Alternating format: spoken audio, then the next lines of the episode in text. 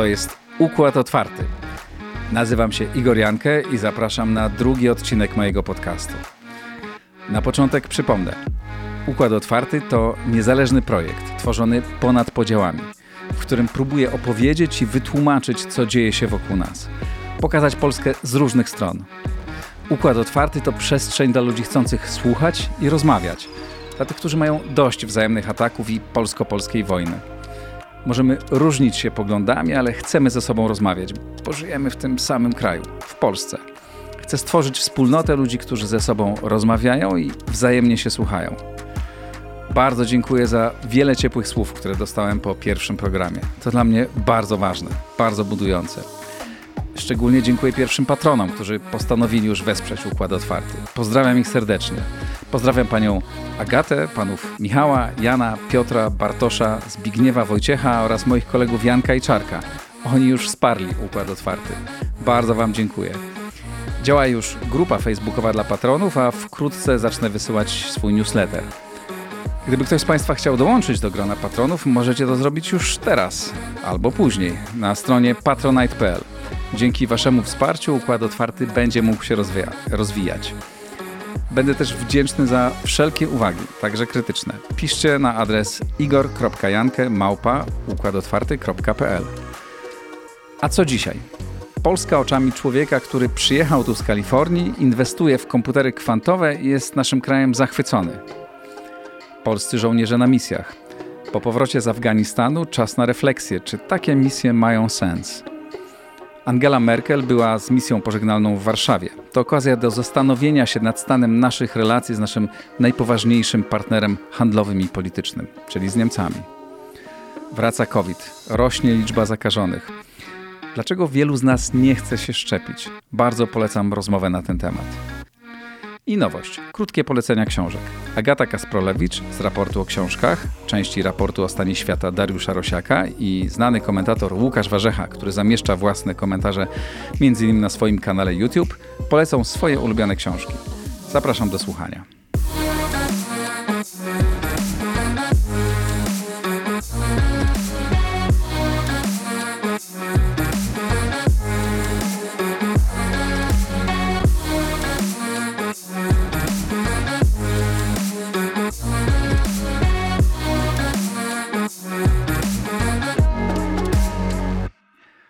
Uwielbiamy narzekać, jak źle jest u nas, a tymczasem coraz więcej ludzi przyjeżdża do Polski, jest zachwycony tym, jak można tutaj żyć, jak można robić interesy. A jednym z jedną z takich osób jest Dominik Andrzejczuk. Witam cię serdecznie. Ja również witam. E, Dominik jest, e, jesteś e, Amerykaninem polskiego pochodzenia. Masz podwójne obywatelstwo czy amerykańskie? Tak, urodziłem się w Polsce. Miałem 9 miesięcy, jak wyjechałem do Stanów i wróciłem 3 lata temu. Jak można z Palo Alto zrezygnować z pracy w Yahoo e, i przyjechać do Warszawy? Well, ja widzę podobieństwa pomiędzy Palo Alto i Polska, ponieważ w Palo Alto, jak siedzisz w kawiarni albo jesteś w restauracji, to ciągle spotykasz się z ludźmi, którzy pracują w branży IT. Możesz, nie wiem, uh, mieć jakieś rozmowę z, z byle jaką osobą from the streets i rozmawiać o uh, databases, bazy danych. Mhm. I tak samo jest tutaj w Warszawie, że strasznie dużo jest informatyków i oni, i to jest high concentration. Duża koncentracja. Tak tych mhm. informatyków tutaj w Polsce. I e, w latach 60., 70. w Kalifornii powstała Dolina Krzemowa. Tak. Ponieważ w tych czasach tam strasznie dużo, duża koncentracja tych informatyków też tam się zgromadziło.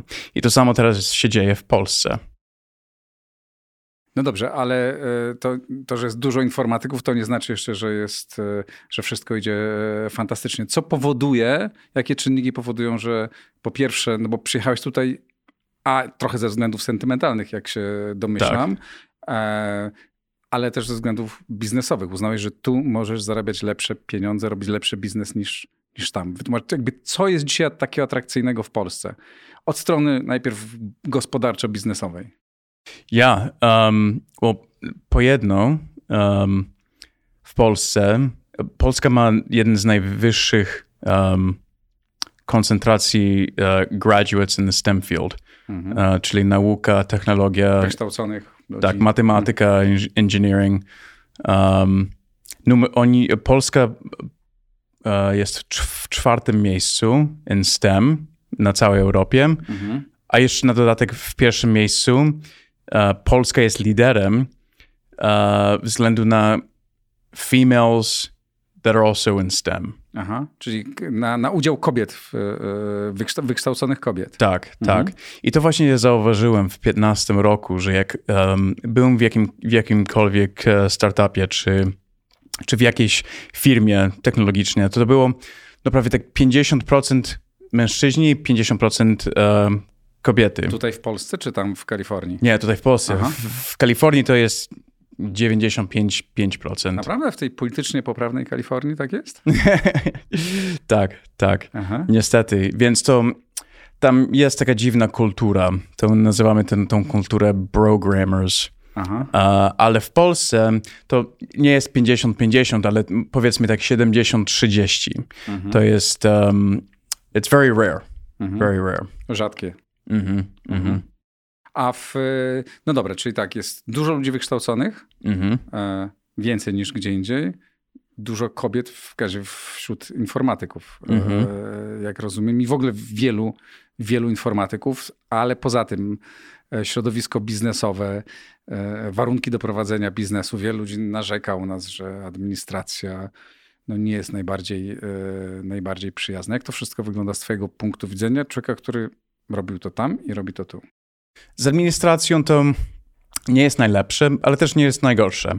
Więc um, mogłoby być trochę łatwiej. Nie jest aż łatwo jak w Stanach, ale no, da się wszystko ogarnąć. Um, po drugie, um, ludzie tutaj też są bardzo hungry. Głodni. Głodni tak, żeby zdobyć sukcesu. Ale głodni sukcesu. Tak. E, wczoraj ja poznałem takiego przedsiębiorcę, on, e, to Niemiec z Berlina. Tutaj przyjechał do Warszawy. E, przyjechał tutaj do Warszawy, bo chciał otworzyć biuro tutaj w Warszawie. I ja go py się pytałem, dlaczego chcesz otworzyć tutaj w Warszawie? Przecież ceny inżynierów w Berlinie, w Warszawie to prawie to samo. A on powiedział, że właśnie, że polskie inżyniery są o wiele lepsze od niemieckich, Aha. bo they're more hungry. Aha. To były his exact są quote. Bardziej, są bardziej głodni sukcesu. Tak, Aha. tak. I, I właśnie to widać. Tutaj jest energia, tylko że ta energia musi być jakoś focused. Mhm. Skoncentrowana na yeah. czymś. Tak. Mhm.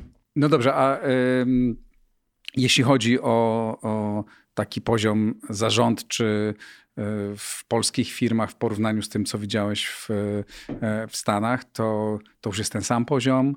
E, czy tu są jakieś różnice? W większych firmach, takich korporacyjnych? Tak. Mhm.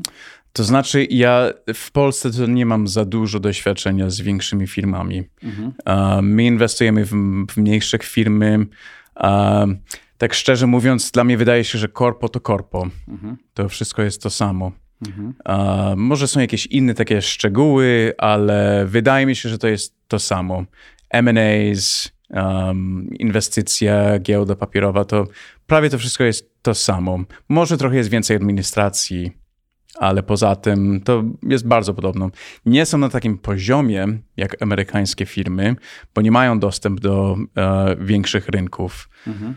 Przeważnie polskie firmy, duże korpo, mają klienci w Niemczech, tutaj w regionie, ale już poza Europę to już trochę rzadciej. Mhm. Ale uważasz, że, bo tak porównujesz Warszawę do Doliny Krzemowej z lat, e, z początku lat 70., uważasz, że, że rzeczywiście mamy szansę żeby Polska stała się takim e, hubem e, wysoko, wysokich technologii. Co by, I co by musiało się stać, żeby tak rzeczywiście się, żeby to stało się, żeby tak było? Tak, tak. Właśnie myślę, że to nie tylko, bo ja nie lubię używać też słowa, że to będzie druga Dolina Krzemowa, bo wszyscy chcą być drugą Doliną Krzemową.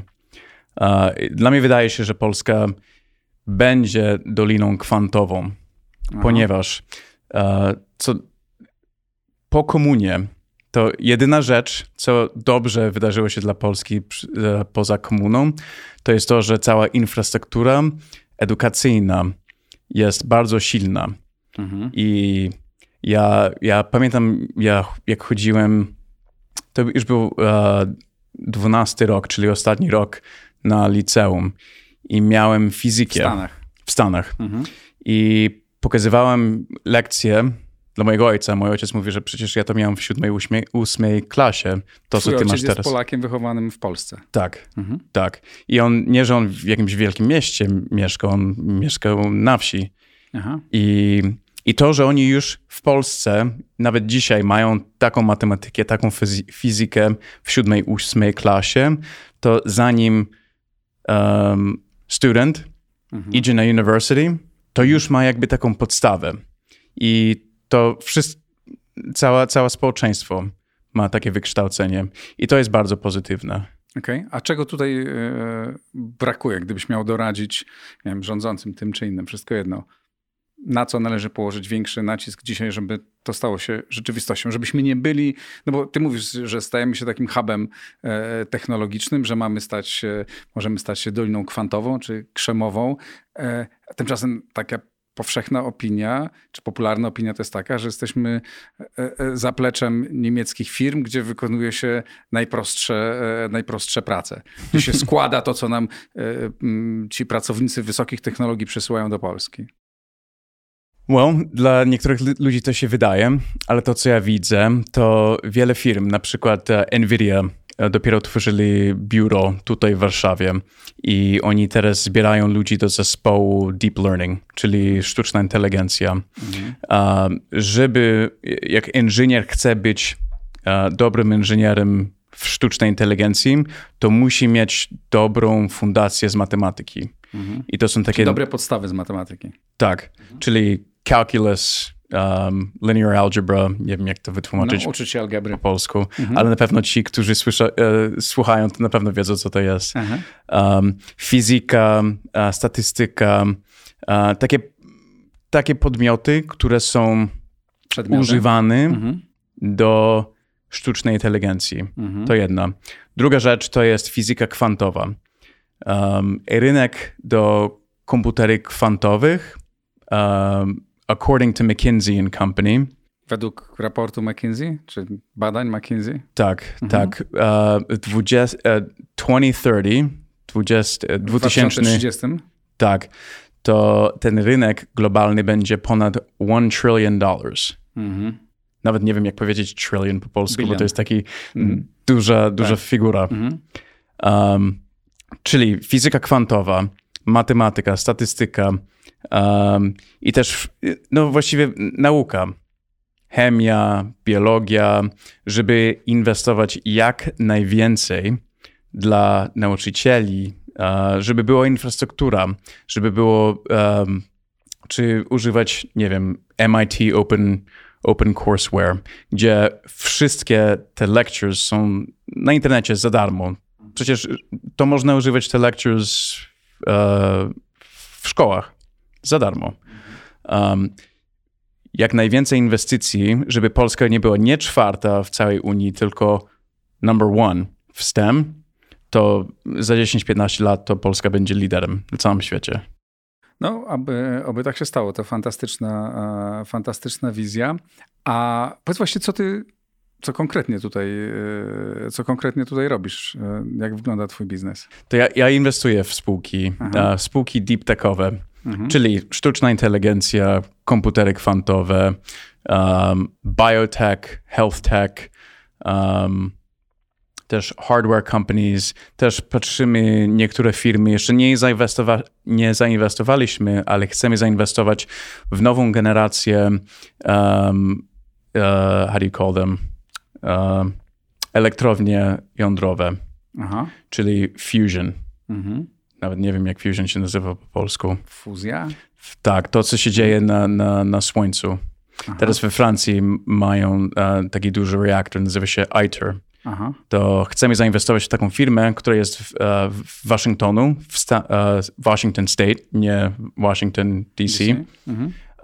I oni chcą tutaj postawić w Polsce Research and Development Center mhm. i sprowadzać naukowce, które znają się na plasma dynamics, fluid dynamics, żeby robić symulację tej, tej, tego reaktoru. Mhm.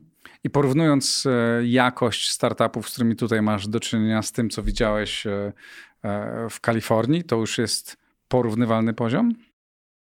Uh, in, in terms of engineering, tech i actually jedna rzecz, gdzie Polska jest, gdzie Polska pobija linie krzemowej i to, i to właśnie to mój kolega z Nvidia, który, który mieszka w Kalifornii mi powiedział, że on zauważył, że Polacy, nie, nie tylko Polacy, ale większość um, te krajów, którzy byli pod Soviet control, um, że ci inżyniery umieją i pisać programy, ale też mają tą fundację matematyczną, mhm. gdzie to jest istotne w firmach, które tworzą algorytmy sztucznej inteligencji, bo inżynier może wie, jak wprowadzić ten, ten, ten program, ale nie wie, na jakiej matematyce on, on e, jest bazowany.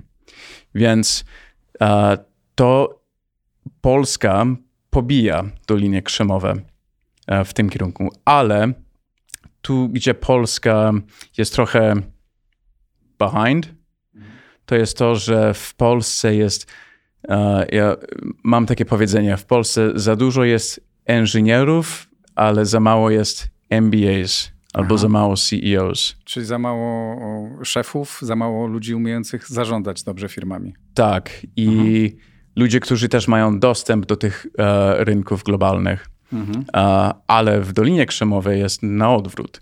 Aha. Czyli za dużo mamy tych CEOs i MBAs okay. i za mało inżynierów. Okay.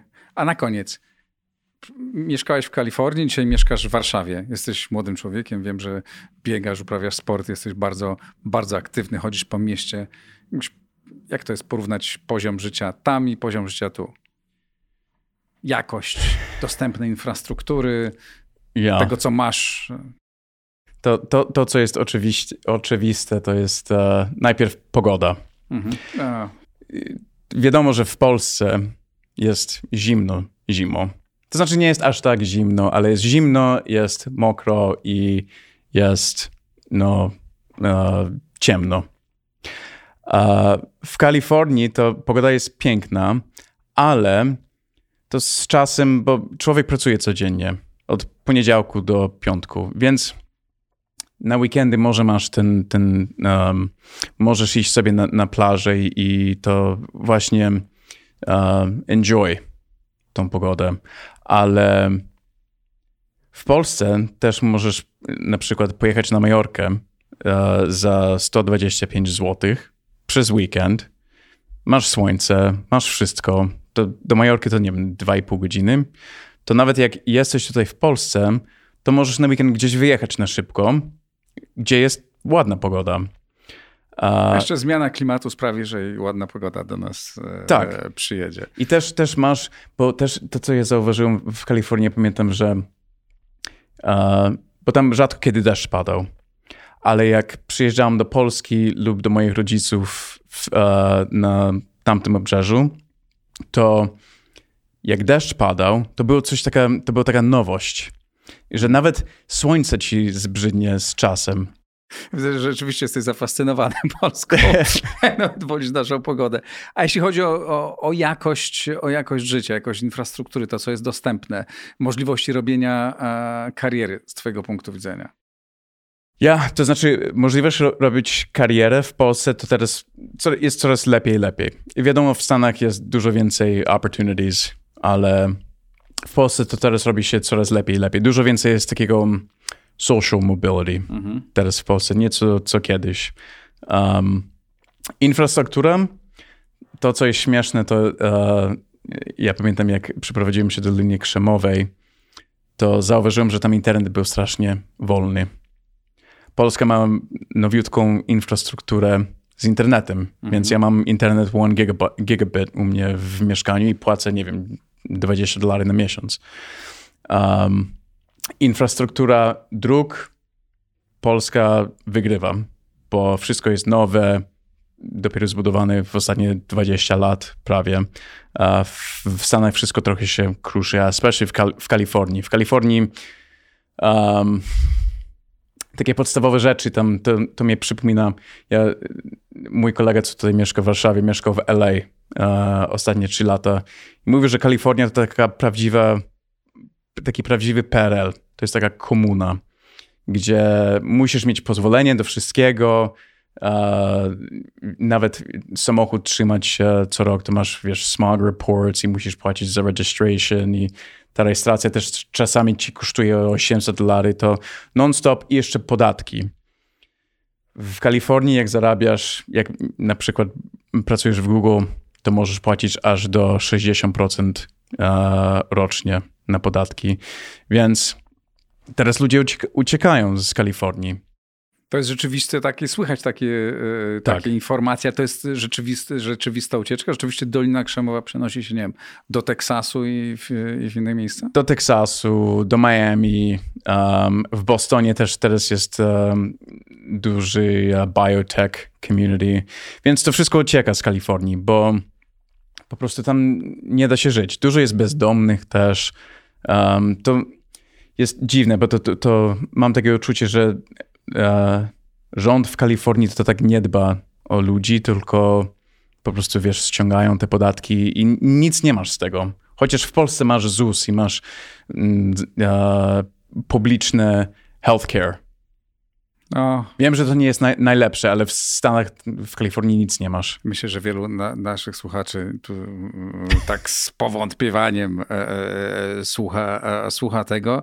Niemniej brzmisz jak chodząca, e, e, chodząca, reklama, chodząca reklama Polski, no ale jesteś dowodem na to, że faktycznie nie tylko mówisz, ale, ale tu żyjesz i co, chcesz tutaj dalej rozwijać biznes? Tak, tak. Mhm. No i chyba tutaj zostanę i będę mieszkał i rodzinę i... I widzisz, że rzeczywiście przyjeżdżają in, inni inwestorzy, znaczy to jest tak. coś, co brzmi, Polska nie odstrasza dzisiaj, no bo oczywiście jak weźmiemy, poczytamy gazety i poczytamy na temat Polski, to jest trochę inny obraz niż ten, który, e, o którym ty, który ty przedstawiasz. Tak, tak. Właśnie i przyjeżdżają inwestorzy teraz, to ja bym powiedział w ostatnie 12 miesięcy zmieniło się, gdzie inwestorzy, nie Polacy, tylko Amerykanie, przyjeżdżają tutaj do Polski, aby inwestować w polskie spółki, bo oni widzą, że e, teraz e, ten, jak zainwestują, co każdy dolar, co oni zainwestują w polską e, spółkę, ma większą możliwość wzrostu niż ten sam dolar zainwestowany w spółkę amerykańską,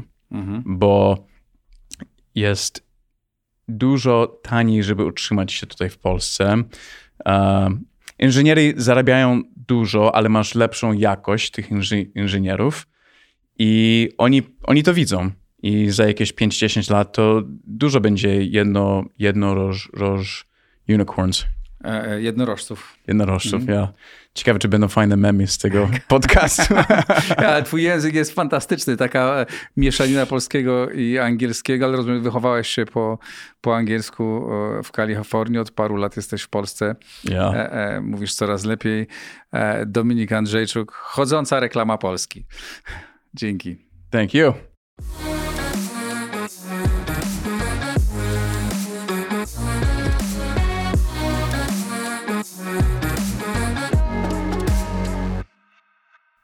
A teraz książki. Agata Kasprolewicz z raportu o książkach, części raportu o stanie świata Dariusza Rosiaka, poleci Wam jedną z nich.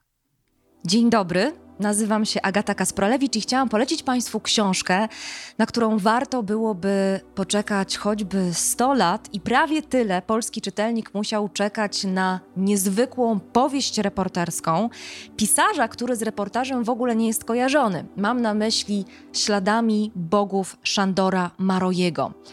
Maro jest zresztą autorem e, jednej z najważniejszych dla mnie książek, Żaru, takiej niezwykle niepozornej, bo liczącej niewiele ponad 100 stron powieści o także pozornie skromnej fabule, bo oto dwóch bardzo już sędziwych przyjaciół siada po latach przy wspólnym stole i rozpamiętuje przeszłość.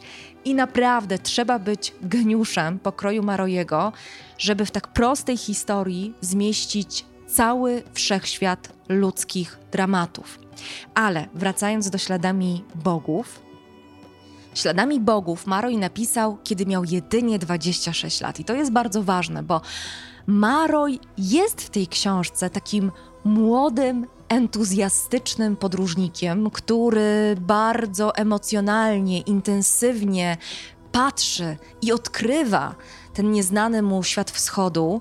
On nie wie wtedy jeszcze, że zostanie jednym z najważniejszych pisarzy węgierskich XX wieku, ale to dla niego w ogóle nie jest ważne. Znacznie ważniejsze dla niego jest to, że pierwszy raz w życiu zobaczył wielbłąda. Ale on też bardzo tęsknie patrzy w kierunku wschodu. On wyraża takie tęskne oczekiwanie Europejczyka. Europejczyka lat dwudziestych ubiegłego wieku, który chce wierzyć, chce wierzyć we wschód, chce czerpać z tego wschodu inspirację intelektualną, przede wszystkim inspirację duchową. Dlatego Maroj odwiedza kolebkę cywilizacji europejskiej, kolebkę duchowości, religijności europejskiej. Przez trzy miesiące podróżuje po wschodzie, odwiedzając Egipt, odwiedzając Palestynę, Syrię, a także Liban i kilka jeszcze innych miejsc. Na Bliskim Wschodzie Maroj poszukuje wartości, które Europa utraciła. Europa poturbowana doświadczeniem I wojny światowej i jest w tym tragizm, w tej nadziei Maroja na odrodzenie jest tragizm, bo on wtedy nie wie, że za 13 lat wybuchnie druga wojna światowa. I to jest najbardziej niezwykłe w tej książce, że Maroj z jednej strony jest tym młodym, entuzjastycznym podróżnikiem, a z drugiej strony dojrzewającym intelektualistą, niezwykle przenikliwym. Tak, on jest ciekawy tych miejsc, ale on też traktuje wschód jako takie zwierciadło, w którym przegląda się przedwojenna Europa. I jest w tym niepokój, jest w tym e, takie widmo nadciągającej katastrofy, które pewnie wyczuwalne jest dla tych czytelników, którzy mogą wiedzieć, co wydarzyło się w 1939 roku. Maroj intuicyjnie dotyka tych bardzo ważnych kwestii, momentami brzmi jak prorok, jakby rozumiał ze świata więcej, niż ten świat wtedy chciał mu powiedzieć. Śladami bogów jest według mnie taką zagubioną na prawie 100 lat literacką perłą i zachęcam Państwa do odkrycia tej niezwykłej książki.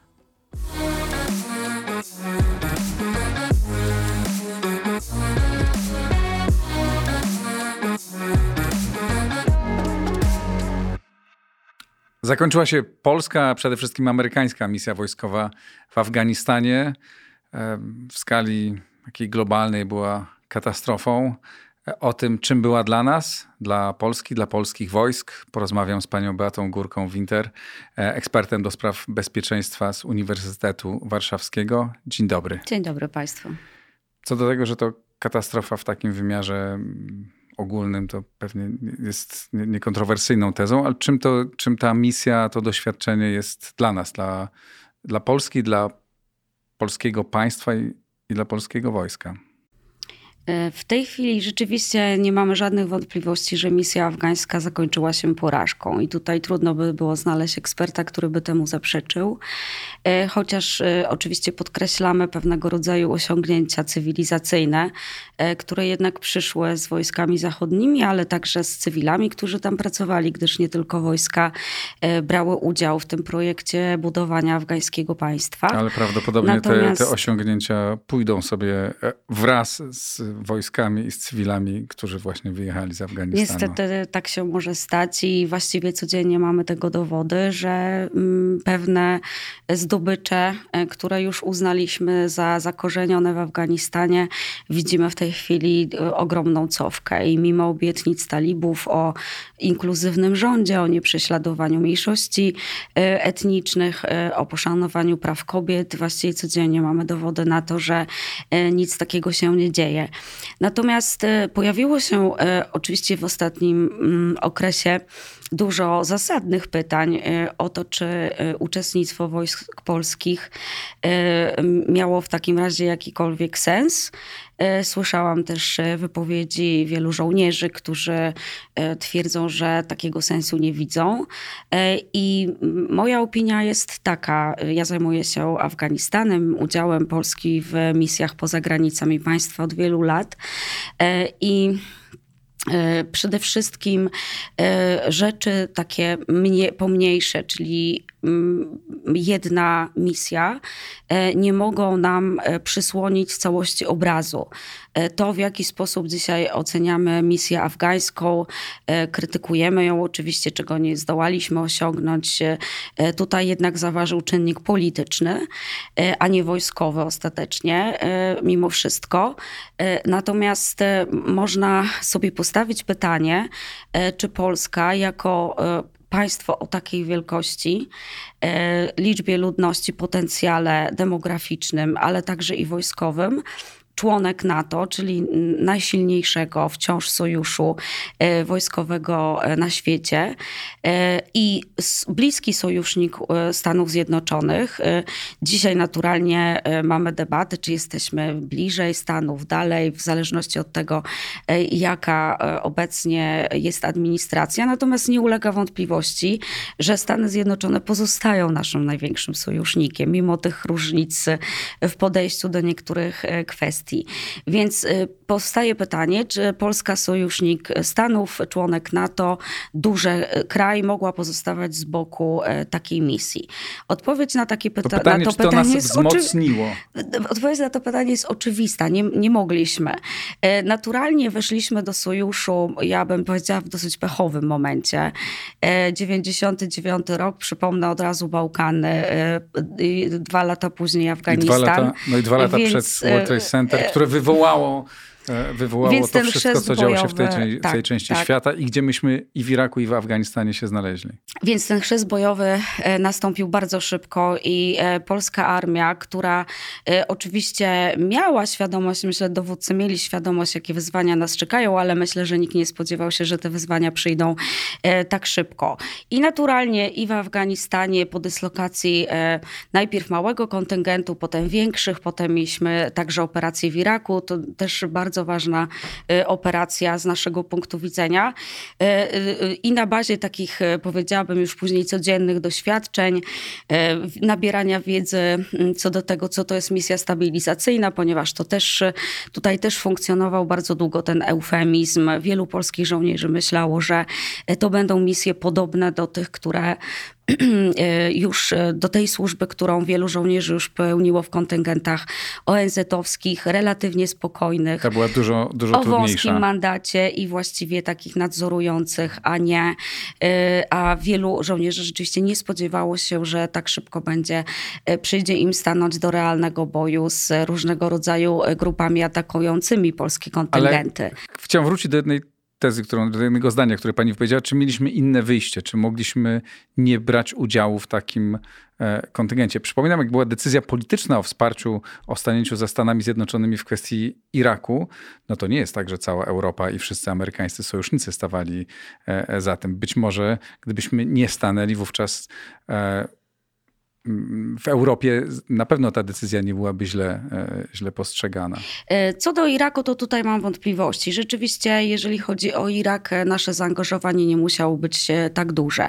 Z naszego punktu widzenia kluczowa była jednak operacja afgańska, bo ja przypomnę, że mimo tego, że po 2001 roku, tuż po zamachach na World Trade Center, utworzyła się tak zwana koalicja chętnych, która weszła z operacją Enduring Freedom i miała głównie cele właśnie takie antyterrorystyczne, Dopiero później e, NATO weszło do Afganistanu e, z, już z narodowymi kontyngentami o bardzo różnym zakresie działania, bo tu też zależało wszystko od, od tego, e, jak państwa nałożą te tak zwane national caveats, czyli ile pozwolą swoim wojskom de facto działać w różnych prowincjach, bo tutaj też NATO niestety odgórnie nie mogło narzucić mm, pewnych decyzji i tutaj państwa same decydowały, w jakim zakresie ci żołnierze będą brali udział w w walkach. Natomiast dla nas misja afgańska była kluczowa, bo później była to jednak misja natowska. I tutaj I to już była największa, największa, największa polska największa misja. Tam w szczycie było 2600 600 polskich żołnierzy. żołnierzy tak. W 2000... Więc, zdecydowanie stać z boku nie, nie mogliśmy.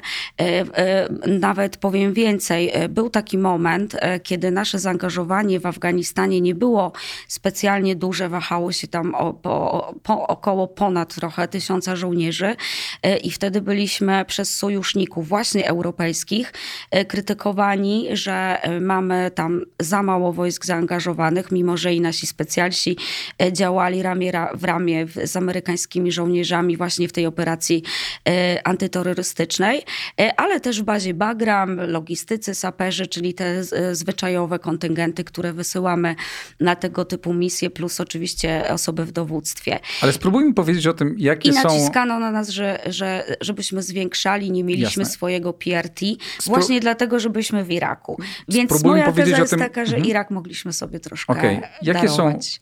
są zyski i straty? Straty są oczywiste, niepodważalne. 45 osób, które zginęło, 403 żołnierzy i dwóch e, pracowników, ponad 300 osób rannych. To jest coś, co jest poza dyskusją i, i, i niewątpliwie, e, e, niewątpliwie tragedię tych też 45 rodzin, ale po stronie zysków i ogromne wydatki, które ponieśliśmy.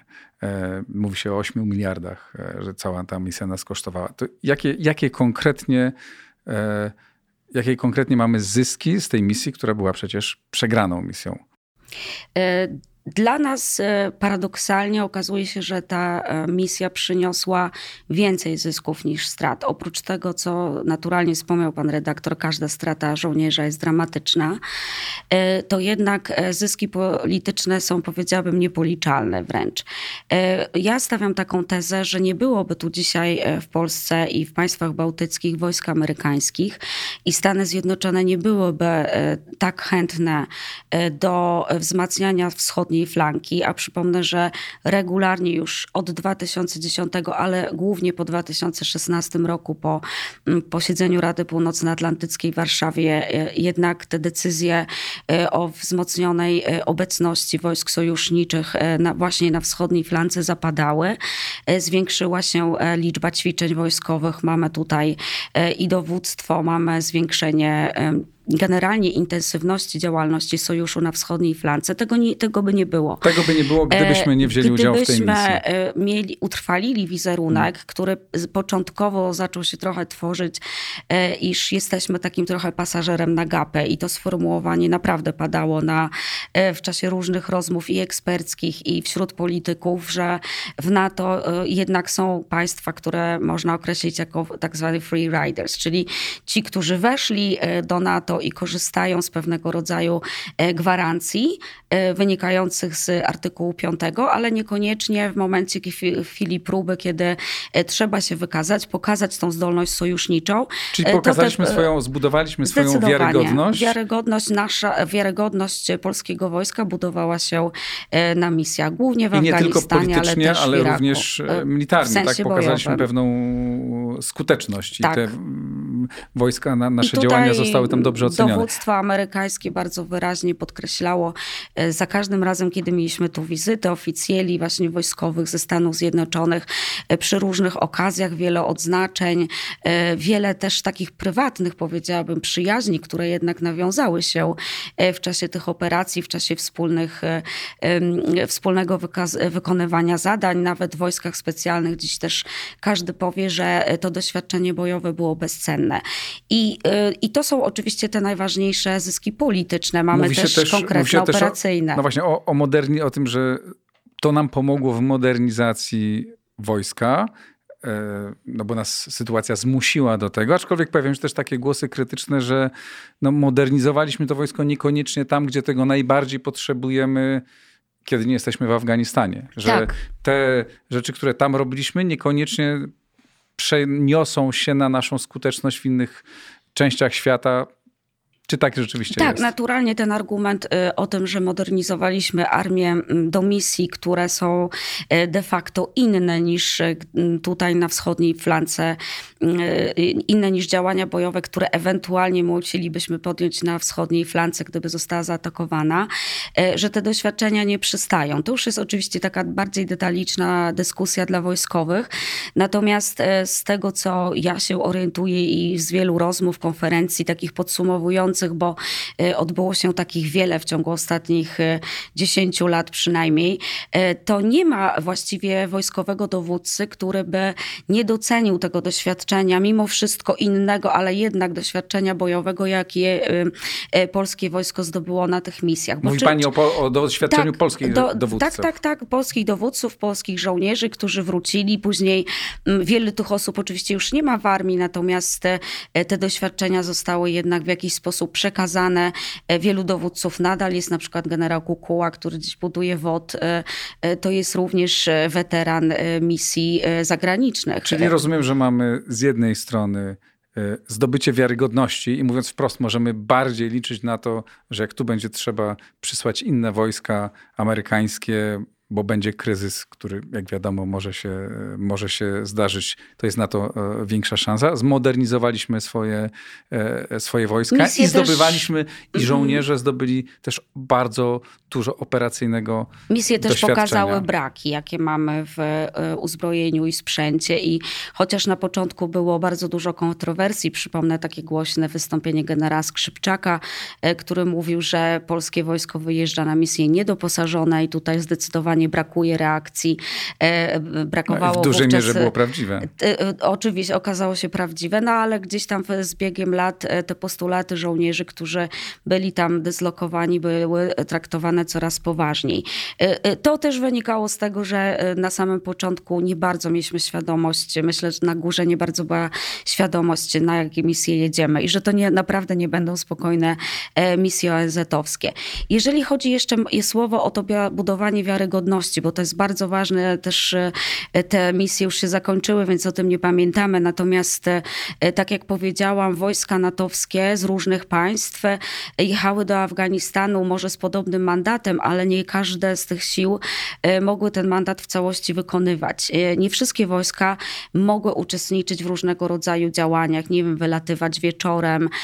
Nawet były takie kontrowersje, czy przekazywać dane wywiadowcze tutaj Amerykanom. Tutaj nawet tego typu dyskusje się e, pojawiały i głównodowodzący siłami zbrojnymi w Afganistanie często podkreślał, że e, wykonanie pewnej operacji w momencie, kiedy on ma na stole kilkadziesiąt tak zwanych national coverage jest bardzo trudne. Polska pojechała do Afganistanu bez tego typu zastrzeżeń, czyli nasi żołnierze mogli być wykorzystywani w każdego rodzaju misji i to też zbudowało bardzo naszą wiarygodność, że w razie czego jednak jesteśmy do dyspozycji przy każdym rodzaju zadań. To było bardzo ważne czy, czy, czy właściwym jest porównanie koślawe trochę, ale, ale jednak zary, e, e, zaryzykuję naszej obecności w dwóch organizacjach, w NATO i w Unii Europejskiej. W NATO bardzo zaangażowaliśmy się e, w tę misję i zbudowaliśmy wiarygodność. W Unii Europejskiej nasza sytuacja jest chyba trudniejsza. Jesteśmy mniej aktywni w rozmaitych akcjach, które nie dotyczą bezpośrednio Polski. Trudno, by, trudno powiedzieć, że Afganistan czy Irak by hmm. dotyczyły bezpośrednio Polski, natomiast... Właśnie mówię, że one nie tak, dotyczyły bezpośrednio tak. Polski, a jednak byliśmy tam obecni i dzięki temu budowaliśmy swoją i wiarygodność i silną pozycję, bo pewnie też koślawe porównanie, jednak pewnie nasza pozycja w NATO jest dziś mocniejsza niż nasza pozycja w Unii. Zdecydowanie tak, chociaż tutaj, jeśli chodzi o to zaangażowanie unijne, e, to bardzo mało się o tym mówi. Ja bym powiedziała, że jeśli chodzi o Unię, jesteśmy e, uczniem czwórkowym, e, czyli nie jest z nami najgorzej, wbrew temu, co w Brukseli dzisiaj... pewnie dzisiaj nie wystawiono by nam taką ocenę. Pewnie nie, natomiast myślę, że gdybyśmy zebrali wszystkie nasze propozycje, bo też poważne propozycje na przestrzeni ostatnich lat także z Polski padały, w tej optyce, w jaki sposób zwiększyć efektywność operacji Unii Europejskiej, które są jednak zasadniczo inne niż operacje, które prowadzi NATO. I myśmy tutaj mieli i dużo dobrych pomysłów, i takich powiedziałabym nawet odważniejszych niż formułują to inni członkowie Unii Europejskiej. To nasze zaangażowanie wcale nie wygląda tak źle. Relatywnie uczestniczymy w wielu misjach e, procentowo, e, które Unia e, też dyslokuje w różnych regionach świata.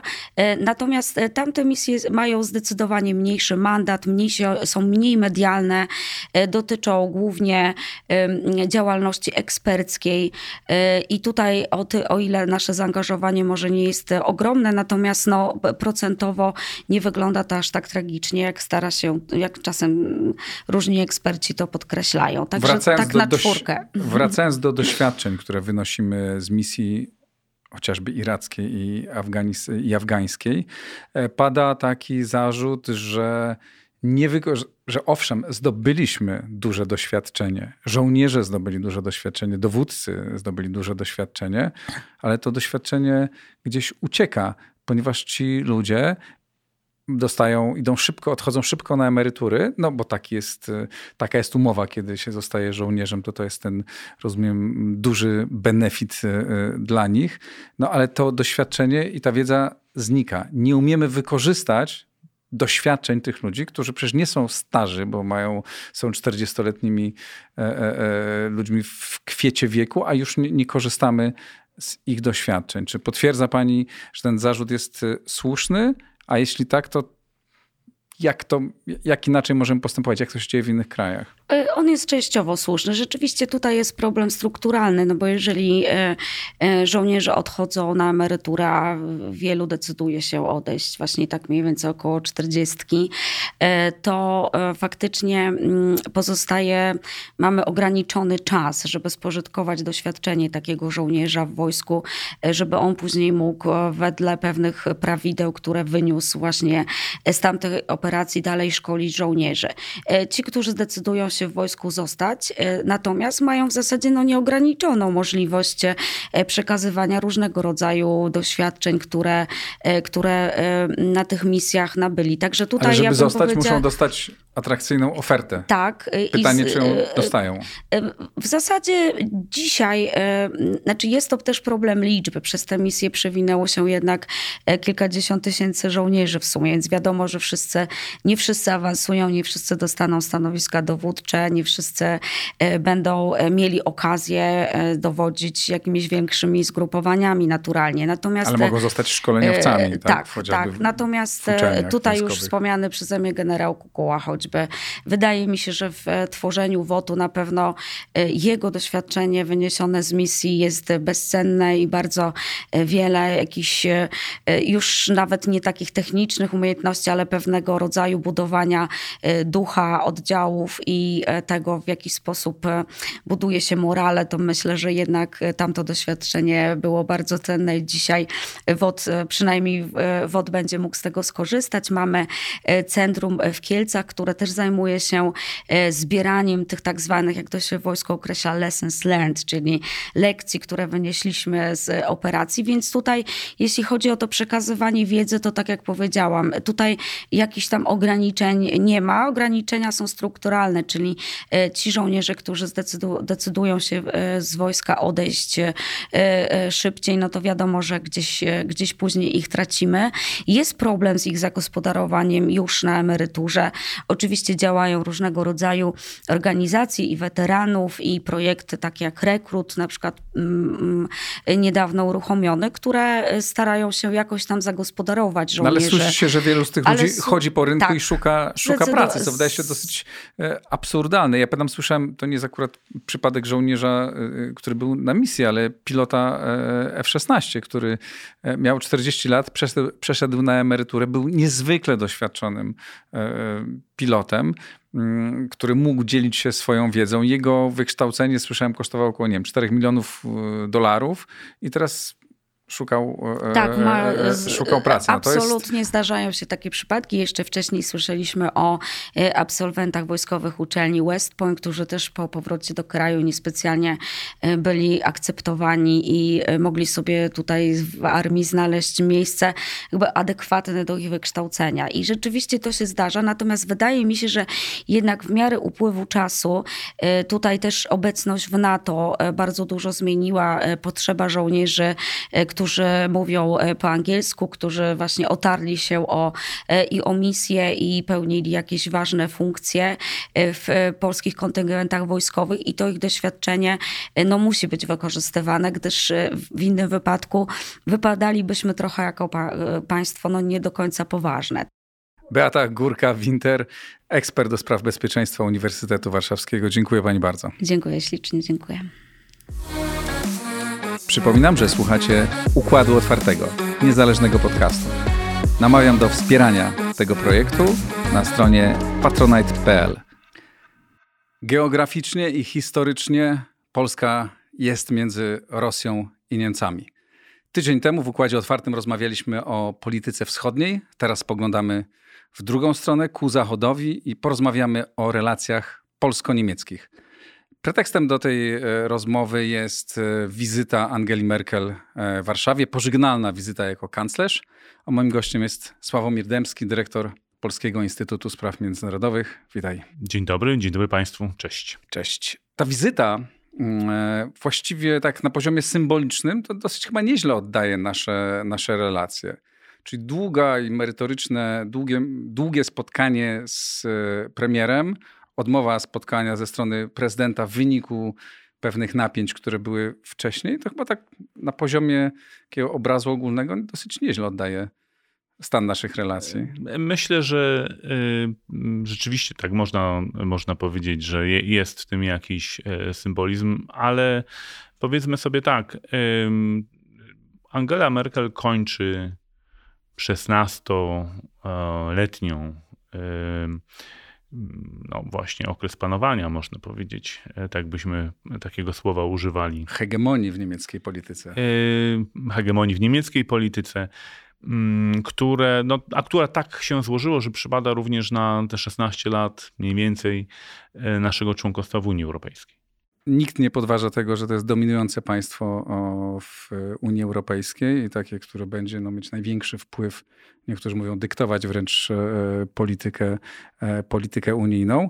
No niewątpliwie najważniejszy dla Polski partner e, i politycznie, a przede wszystkim gospodarczo. Ta wymiana handlowa między naszymi państwami rośnie cały czas i rzeczywiście no, dla Polski to jest najważniejszy partner handlowy, ale i dla Niemiec to jest dzisiaj w Europie jeden z najważniejszych, e, e, jesteśmy jednym z najważniejszych partnerów handlowych. No ale z drugiej strony jest masa napięć i masa, masa kryzysów i konfliktów między nami. No Nord Stream 2 jest tym naj, naj, najcięższym, ale tylko jednym z. Ich jest, e, ich jest znacznie, znacznie więcej. Więc mamy z jednej strony rosnącą wymianę handlową, właściwie bardzo ogromną wymianę ludzką, no bo Polacy jeżdżą do Niemiec, coraz więcej Niemców też przyjeżdża do Polski, robimy ze sobą interesy, napięć międzyludzkich praktycznie nie ma, a z drugiej strony między klasami, między elitami politycznymi, no te napięcia są duże, e, rezerwa po obu stron jest duża i właściwie w ciągu ostatnich lat rządów e, obecnej ekipy w Polsce niespecjalnie się zmniejszyła. Czyli tak, no, po pierwsze znowu taka perspektywa historyczna się czasami przyda. No to jest okres ostatnich 30 lat. To jest okres naszych najlepszych relacji z Niemcami ever. Bez dwóch zdań. Jesteśmy sojusznikami od 1999 roku w ramach Sojuszu Północnoatlantyckiego. Niemcy zapewniają nam tak zwaną głębię strategiczną, są absolutnie fundamentalnym z punktu widzenia bezpieczeństwa Polski sojusznikiem, bo to właśnie e, Niemcy będą tym wielkim amerykańskim e, lotniskowcem, który przyjmie, e, potencjalnie ma przyjąć wsparcie amerykańskie dla Europejczyków w razie jakiegoś poważnego kryzysu międzynarodowego. My jesteśmy państwem frontowym, flankowym, jak można to określić, a Niemcy są naszym bezpośrednim zapleczem. Więc dla polityki Stanów Zjednoczonych Niemcy i wschodnia flanka sojuszu e, mają ogromne znaczenie z punktu widzenia tak zwanego globalnego odstraszania, którym się Amerykanie zajmują. I to powiedzmy, to nie ma szans się zmienić w najbliższej przewidywalnej przyszłości. Tak, Niemcy ciągle będą bardzo ważnym partnerem dla Niemiec również ze względów bezpieczeństwa i dlatego też niektórzy eksperci mówią o tym, że idealny z punktu widzenia Polski, ale w ogóle z punktu widzenia bezpieczeństwa transatlantyckiego, taki trójkąt Waszyngton, e, Berlin, Warszawa e, jest niezwykle pożądany, tylko że on no, niespecjalnie działa.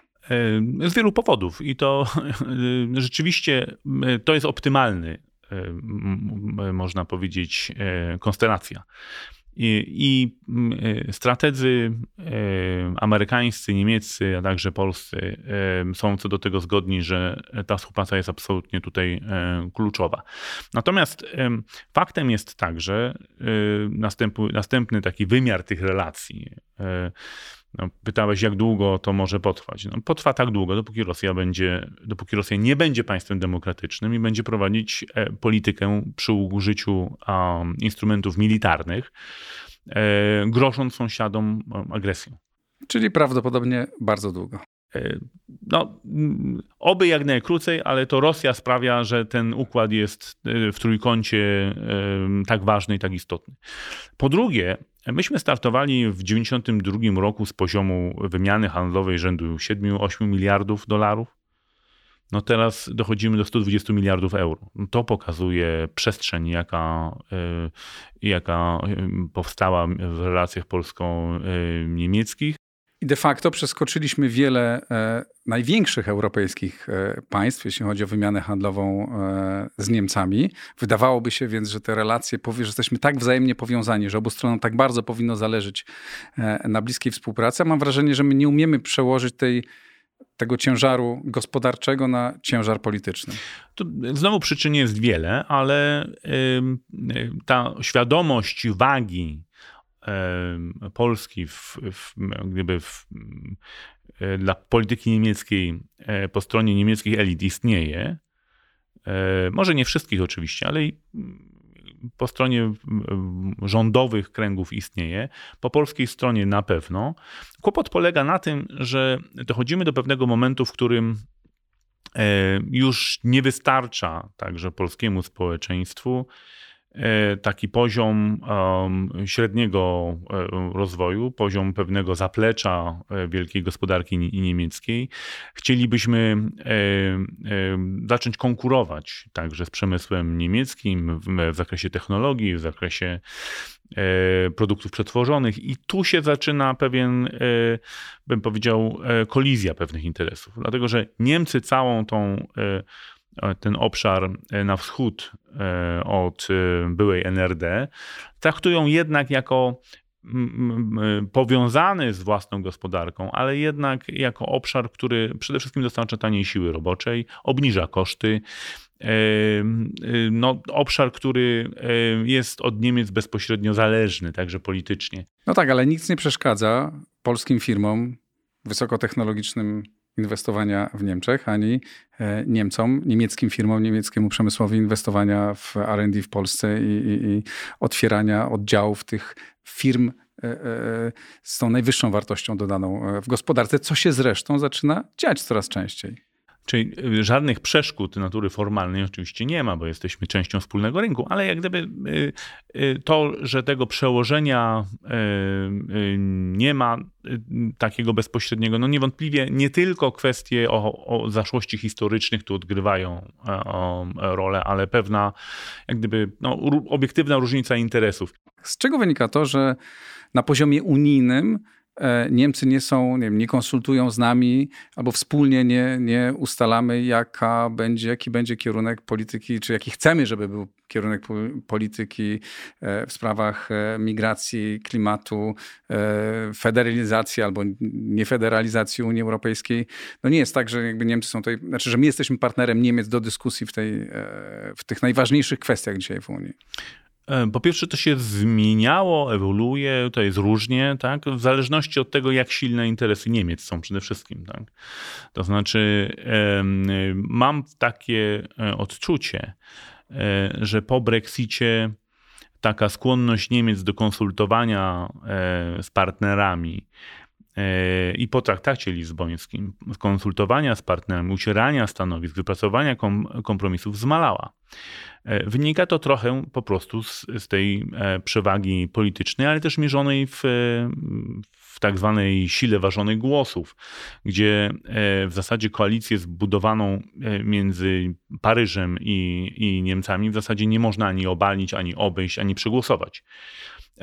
To oznacza, że tu zaczyna oddziaływać po prostu taka efektywność polityki, czyli koszt zainwestowanego czasu e, e, no, e, i zysk, jaki się z tego czasu wyciąga. No tak, ale my też, to też powiedzmy, że my nie jesteśmy przesadnie skuteczni w tych swoich działaniach i zabieganiach o to, żeby nasz głos był brany pod uwagę. To jest bardzo różnie.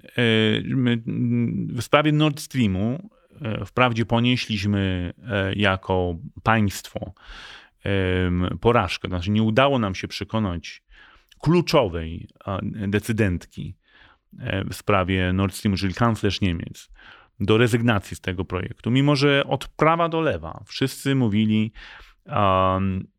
że będzie to miał, e, że ten projekt będzie miał e, fatalne skutki dla relacji polsko-niemieckich. Pierwszym, który e, powiedział to niemieckiemu politykowi, był, był minister spraw zagranicznych Adam Daniel Rothfeld, który Joszka Fischerowi jeszcze przed ogłoszeniem no, tej inicjatywy rosyjskiej powiedział, że no, to jest po pierwsze podważenie zasady solidarności w Unii Europejskiej, a po drugie no, y, to podważy zaufanie do Niemiec bezpośrednio w, u wszystkich państw Europy Środkowej. I powiedzmy sobie szczerze, żaden z rządów polskich nie zmienił zdania w tej sprawie i mniej więcej, mniej lub bardziej skutecznie działał w tym samym kierunku. Więc tu też nie możemy przyjąć takiego zarzutu, no, że to u nas to polityka wewnętrzna wpływa na politykę e, zagraniczną, bo Platforma idzie w tym kierunku, PiS w, w tamtym. W oba te ugrupowania, czy oba te obozy polityczne grały mniej więcej tak samo. Ale rzeczywiście, znaczy, e, to nie tylko w Polsce. Tak? Niemcom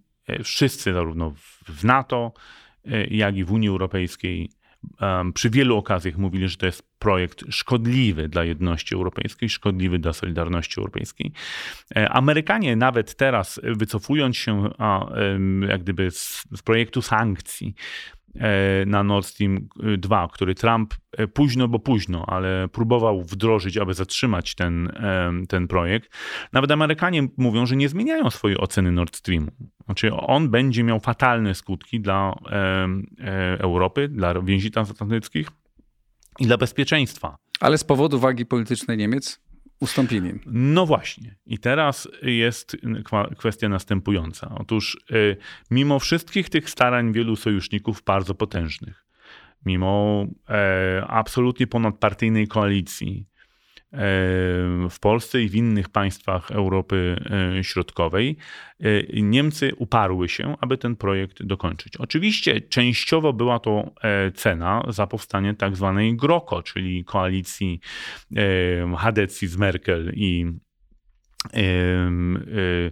Steinmeierem i których, której jednym z tych punktów było kontynuowanie projektów e, zapro, zapoczątkowanych przez poprzedniego e, kanclerza SPD, a, a także no, to jest taki przykład klasyczny i w zasadzie wszędzie to w Europie się też po, pojawiają te opinie, że to jest taki klasyczny przykład e, nieukaranej korupcji. Tak? Ten kanclerz Niemiec podejmuje... Schroeder tak. najpierw podpisywał dokumenty, doprowadził do tego, że można było podpisać porozumienie dotyczące powstania tego e, gazociągu, a potem został jednym z jego szefów. No, no, szefem. Po stronie rosyjskiej. Tak, tak, szefem Gazpromu, znaczy Nord Streamu, projektu Nord Streamu. No i, i, i mało tego, e, istnieją podejrzenia, które nie były przecież weryfikowane przez żadne niemieckie służby, że e, tą swoją pracę był już, jak gdyby osiągnął porozumienie o nowej pracy, jeszcze wykonując funkcję kanclerza Niemiec.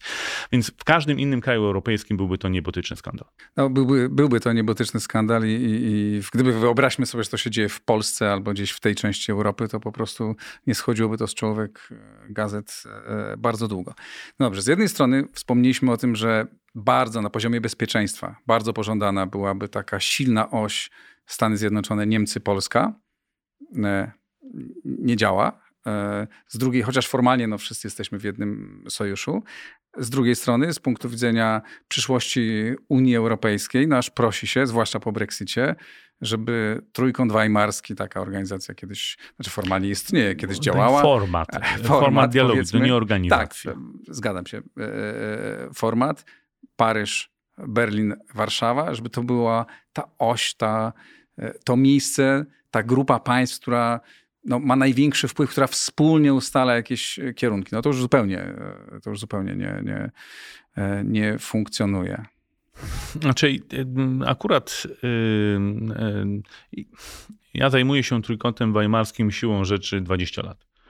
I to nigdy dobrze nie działało. Znaczy, można opowiadać, że e, były jakieś momenty e, wzlotu, powiedzmy w latach 90., kiedy to był jednak dla nas wehikuł umożliwiający nam rozmowę z czołowymi decydentami Unii Europejskiej, a także w Europie, e, w NATO, zwłaszcza Niemcami. Z Francuzami to dopiero od, od czasów Sarkoziego, kiedy nastąpił powrót Francji do militarnych struktur sojuszu. E, więc to był instrument wspierający naszą e, reintegrację z systemem światowym, tak. No i potem siadł. I potem, jak gdyby ta e, materia tej współpracy coraz jak gdyby wysychała. Tak? No tak, tylko jest to zrozumiałe, że myśmy odgrywali tam bardzo małą rolę, te pozostałe państwa nie miały tak wielkiego interesu w tym. No, kiedy Polska była gospodarczo dużo słabszym graczem 15-20 lat temu. Dzisiaj jesteśmy zupełnie gdzieś indziej. Mówiliśmy o tym na początku, że jesteśmy jednym z głównych partnerów handlowych Niemiec w Europie. No, nasza gospodarka waży tyle, ile waży, a waży nie, nie mało. Czyli stajemy się teoretycznie, znaczy gospodarczo ważni, a politycznie nie. No, i, i, I to wydawało się, że mamy narzędzia do tego, i mamy taką wagę, żeby teraz zostać takim partnerem tych dwóch stolic. No właśnie, ale warto pamiętać o tym, że z punktu widzenia Paryża, Trójkąt Weimarski też nie jest optymalnym forum do rozmowy, bo Paryż, y, Francuzi i tak mają poczucie, y, że Niemcy ich przytłaczają. A oni uważają, że właśnie ze względów tych gospodarczych, o których mówimy, Warszawa jest w zasadzie taką przybodówką e, e, Berlina, czyli mówi niemieckim głosem w sprawach, w których Francja ma szczególne interesy, jeżeli chodzi o integrację europejską, wolny rynek, metody interwencji państwowej. No i pytanie, czy nie moglibyśmy tego wykorzystać właśnie jako atutu, że my możemy mówić niemieckim głosem, możemy bardzo pomagać Niemcom, ale żądając za to ustępstw na innych polach. No tak, ale ponieważ Francuzi jednocześnie są zainteresowani bilateralną współpracą z Niemcami przede wszystkim, tak? czyli tworzeniem osi Paryż-Berlin, takiego klubu zarządzającego Europą, no to w związku z tym nie bardzo widzą e, powód, dla którego mieliby tą współpracę z Berlinem psuć poprzez intensyfikowanie relacji z Polską, gdzie obroty handlowe francusko-polskie to jest jakieś 20 miliardów miliardów euro, a z Niemcami 120. Znaczy, mamy do czynienia z taką strukturalną asymetrią.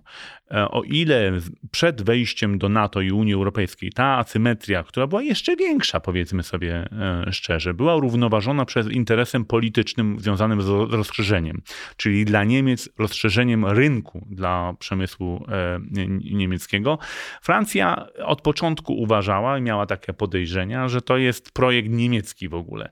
Tak, popierała go, ale bym powiedział, bez nadmiernego entuzjazmu. E, I zaraz jak się to wielkie rozszerzenie zakończyło, to Francja nacisnęła na hamulec związany z rozszerzeniem i dlatego mamy problemy na Bałkanach, dlatego mamy problemy wobec e, Ukrainy, dlatego mamy problemy także z Rosją, ponieważ nie z powodu polityki francuskiej ten magnes przyciągania Unii Europejskiej znacznie osłabł. Wracając do relacji z Niemcami. Angela Merkel odchodzi, to jest już pewne.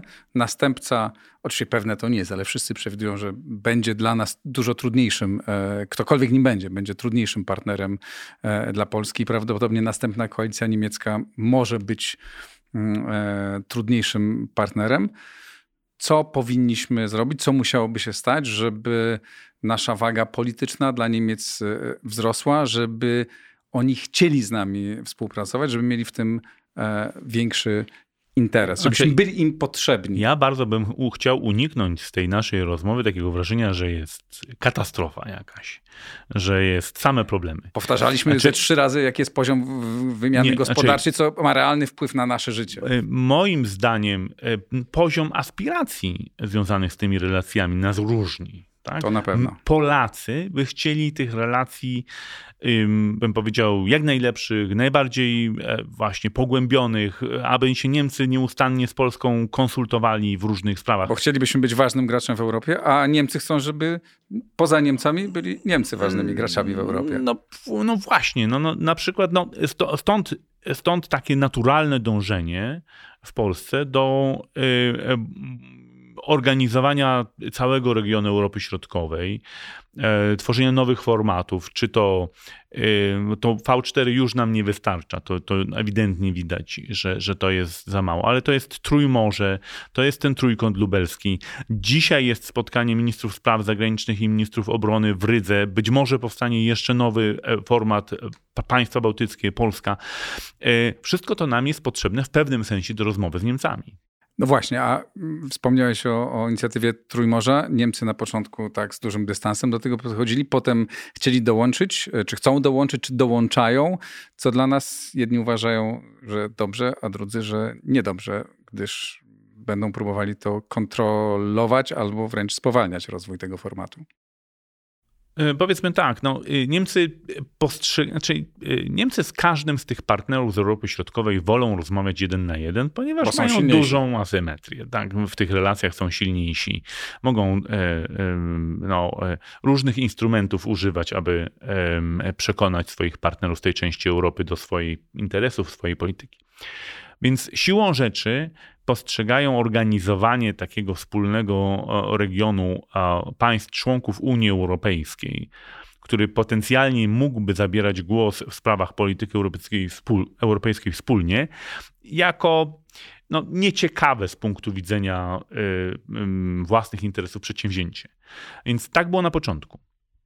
E, trzeba powiedzieć tak, że Trójmorze e, uratowało zaangażowanie Stanów Zjednoczonych, ponieważ Niemcy w dalszym ciągu postrzegają siebie jako kluczowego e, sojusznika Ameryki. Jeżeli Ameryka w coś zainwestuje politycznie, no to Niemcy trudno im się tu przeciwstawić, trudno to blokować. Więc e, niewątpliwie w okresie prezydentury Trumpa doszło do przewartościowania polityki niemieckiej w stosunku do Trójmorza i e, minister Mas po prostu otwarcie e, zmienił kurs i, i uznał, że Niemcy muszą poprzeć tą ideę, ponieważ suma summarum, generalnie rzecz biorąc, to przemysł niemiecki i niemiecka gospodarka będzie najwięcej korzystała na poprawie infrastruktury w tej części. A dla nas to dobrze? Czy źle, zdaniem dyrektora a, pismu? A dla nas uważam, że e, jako obserwator, jako, jako państwo wspierające, jako państwo nie przeszkadzające nawet, e, to Niemcy są bardzo pożytecznym partnerem. Natomiast jako członek e, tej inicjatywy, moim zdaniem jest z tym pewien problem, dlatego że Wszystkie państwa e, uczestniczące w Trójmorzu, członkowie Trójmorza, mają pewien deficyt do nadrobienia. E, Niemcy nie nadrabiają żadnego deficytu. Niemcy, Niemcy e, mają ewidentną przewagę w stosunku do całego tego regionu. No jeżeli mówimy o szybkich kolejach, lotniskach, drogach, autostradach. O wszystkim.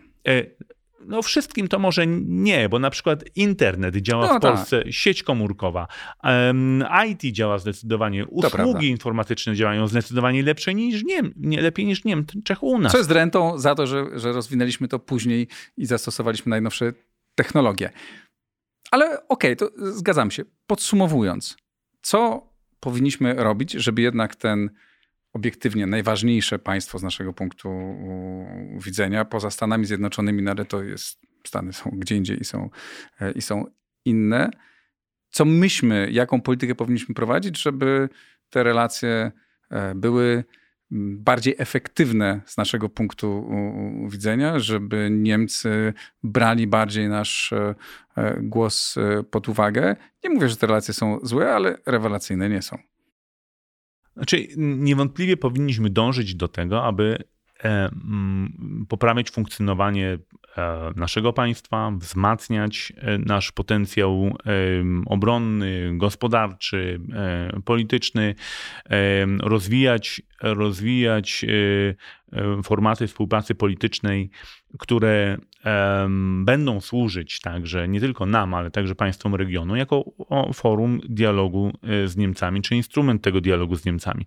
To, że Niemcom się nie podoba, że państwa regionu się organizują i być może e, od czasu do czasu są skłonne, czy będą skłonne e, zabierać wspólnie głos w, w sprawach ich polityki, no to trudno. Znaczy, to, to jak gdyby e, e, trzeba, trzeba sobie uświadomić, że polityka międzynarodowa to nie jest żaden la la land, tylko e, to jest konkurencja o, o własne interesy, o własne aspiracje własnego społeczeństwa. I tutaj nie ma żadnych cudownych metod, że my nagle, bym powiedział, wszystkie te kłopoty, tak, ograniczenia, nagle schowamy, zapakujemy do puszki i DHL-em gdzieś wyślemy i to ktoś inny będzie miał kłopoty. Nie, no po prostu e, musimy mieć świadomość e, e, tego, że e, nas, nasz rosnący potencjał gospodarczy, polityczny, wojskowy wcale nie musi spotykać się z jakimś nadzwyczajnym entuzjazmem po stronie niemieckiej. Musimy rozmawiać. To tak bym, tak bym podsumował. E, musimy skłaniać Niemców, moim zdaniem, zdaniem do większych inwestycji w obronność, bo y, to, że na, na papierze ten trójkąt Stany, Niemcy, Polska wygląda y, super i fajnie, nie oznacza jeszcze, że on wygląda super i fajnie w praktyce, ponieważ Niemcy są państwem, które ograniczają wydatki na, e, no teraz akurat rosną e, e, od paru Ale ich armia ale, nie jest dzisiaj synonimem sprawności, ale, co ma swoje historyczne Ale generalnie też. rzecz biorąc, bym powiedział tak, y, są raczej hamulcowym dyskusji o zwiększeniu potencjału obronnego Europy niż liderem. E, ja nie wiem, czy chcielibyśmy sąsiadować e, z Niemcami, które mają e, armię, na które wydają 80 miliardów euro rocznie bo tyle by to oznaczało 2% PKB e, niemieckiego. Już czuję, co by się działo w polskiej debacie wtedy. E, pewnie nie, ale Niemcy jako kraj, e, który po pierwsze zdeterminował historię Europy bardzo poważnie, bardzo negatywnie w XX wieku, moim zdaniem ma moralny obowiązek działać na rzecz wzmocnienia potencjału obronnego państw, które są najbardziej narażone na utratę niepodległości, integralności terytorialnej. Niemcy powinni uczestniczyć uczestniczyć w finansowaniu potencjału obronnego państw wschodniej flanki sojuszu, jeżeli sami nie chcą tego robić. A państwa wschodniej flanki sojuszu chętnie się zgodzą, aby tą składkę niemiecką na bezpieczeństwo Europy doliczać do um, um, obowiązku, czy jak gdyby zobowiązania e, niemieckiego wydawania 2% PKB na obronność. Inna sprawa, czy to jest dobry kryterium, czy to jest dobry miernik. Y, w Europie brakuje y, y, zdolności w ogóle wojskowych. My nie jesteśmy w stanie ani wystawić skutecznej armii jako Europejczycy, ani się skutecznie bronić, ani skutecznie odstraszać. Więc to są takie dyskusje z Niemcami. Aczkolwiek to jest osobny, bardzo duży temat. Tak, ale z Niemcami byłoby nam łatwiej. Więc przekonujmy Niemców, że to leży w ich jak najgłębszym interesie, aby w, Pol aby w Europie pokój był na trwale zagwarantowany. Sławomir Dębski, dyrektor Polskiego Instytutu Spraw Międzynarodowych. Dziękuję Ci bardzo. Dziękuję, dziękuję za uwagę.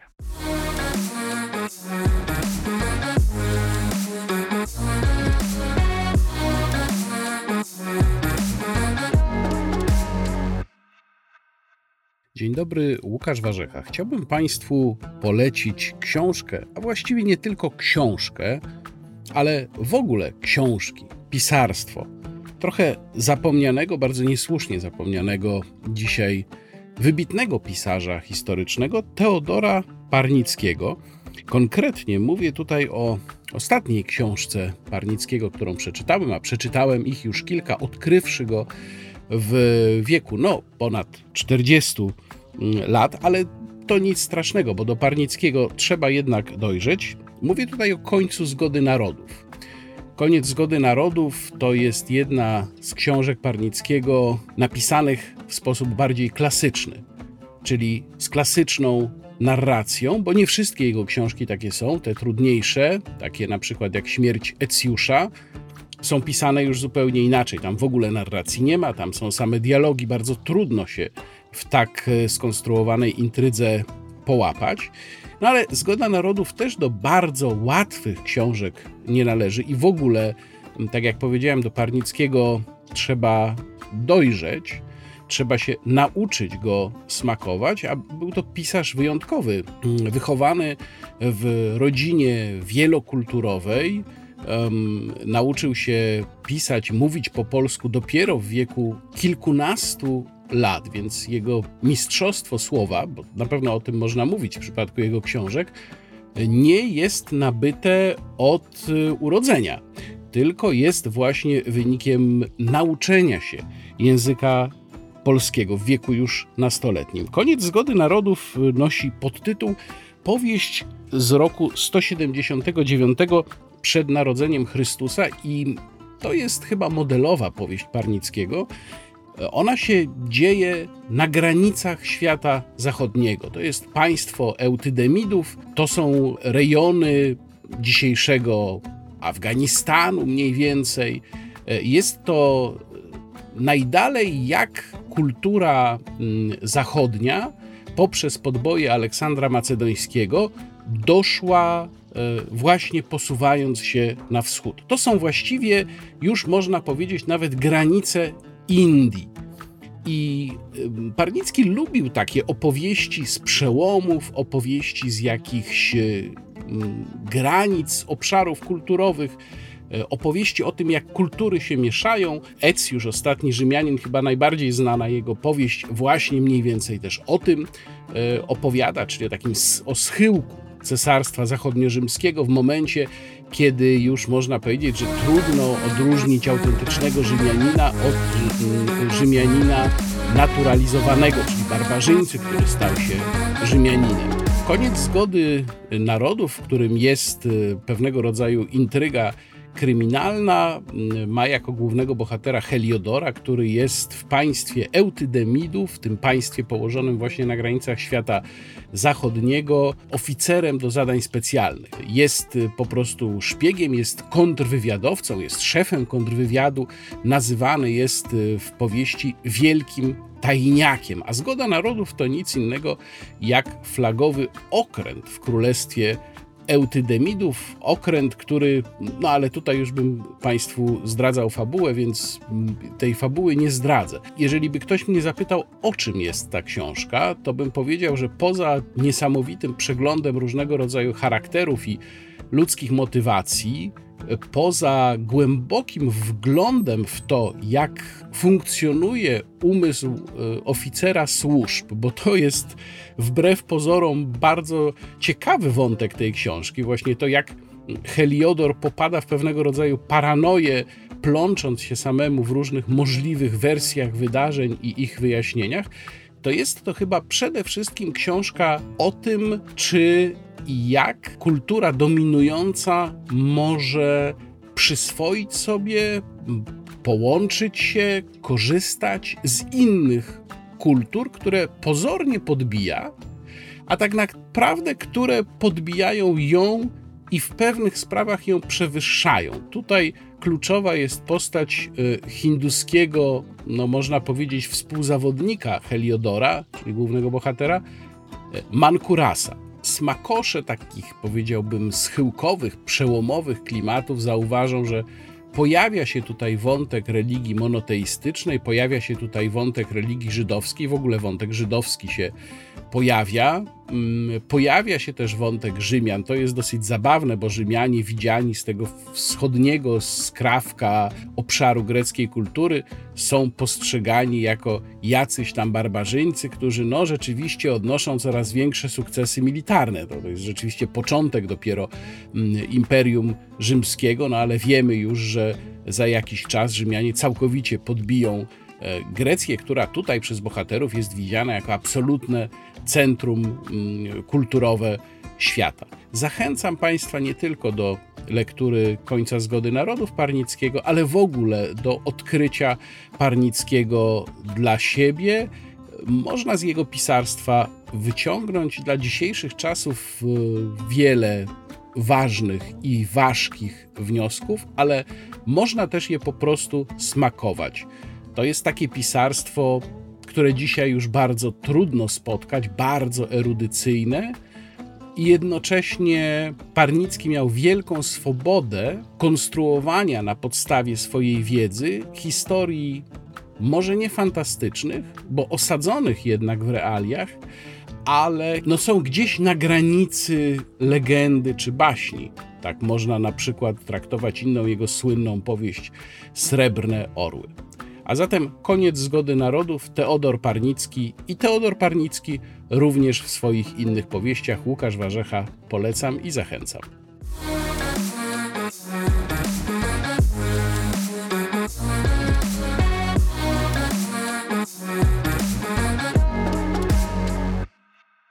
Dlaczego połowa Polaków nie chce się szczepić? O tym porozmawiam z Marcinem Dumą, szefem pracowni Ibris, który badał między innymi ten problem. Witaj serdecznie. Cześć. Powiedz, dlaczego, dlaczego tak wielu ludzi e, ma tak poważne obawy przed zaszczepieniem, które no, racjonalnie myśląc, w każdym razie mnie się tak wydaje, tak, chroni nas przed poważnymi chorobami, a nawet śmiercią. Zacznijmy w ogóle od, od tego, że obserwując badania, możemy dojść do wniosku, że to jest trochę zaskakujące, że zaszczepiło się 50 parę procent y, Polaków i nagle ten proces stanął. No właśnie. Przecież na początku, przypomnij co było na samym początku, jaka była walka, jaka była wielka afera, kiedy grupa znanych, zamożnych celebrytów, znanych aktorów e, e, zaszczepiła się przed innymi.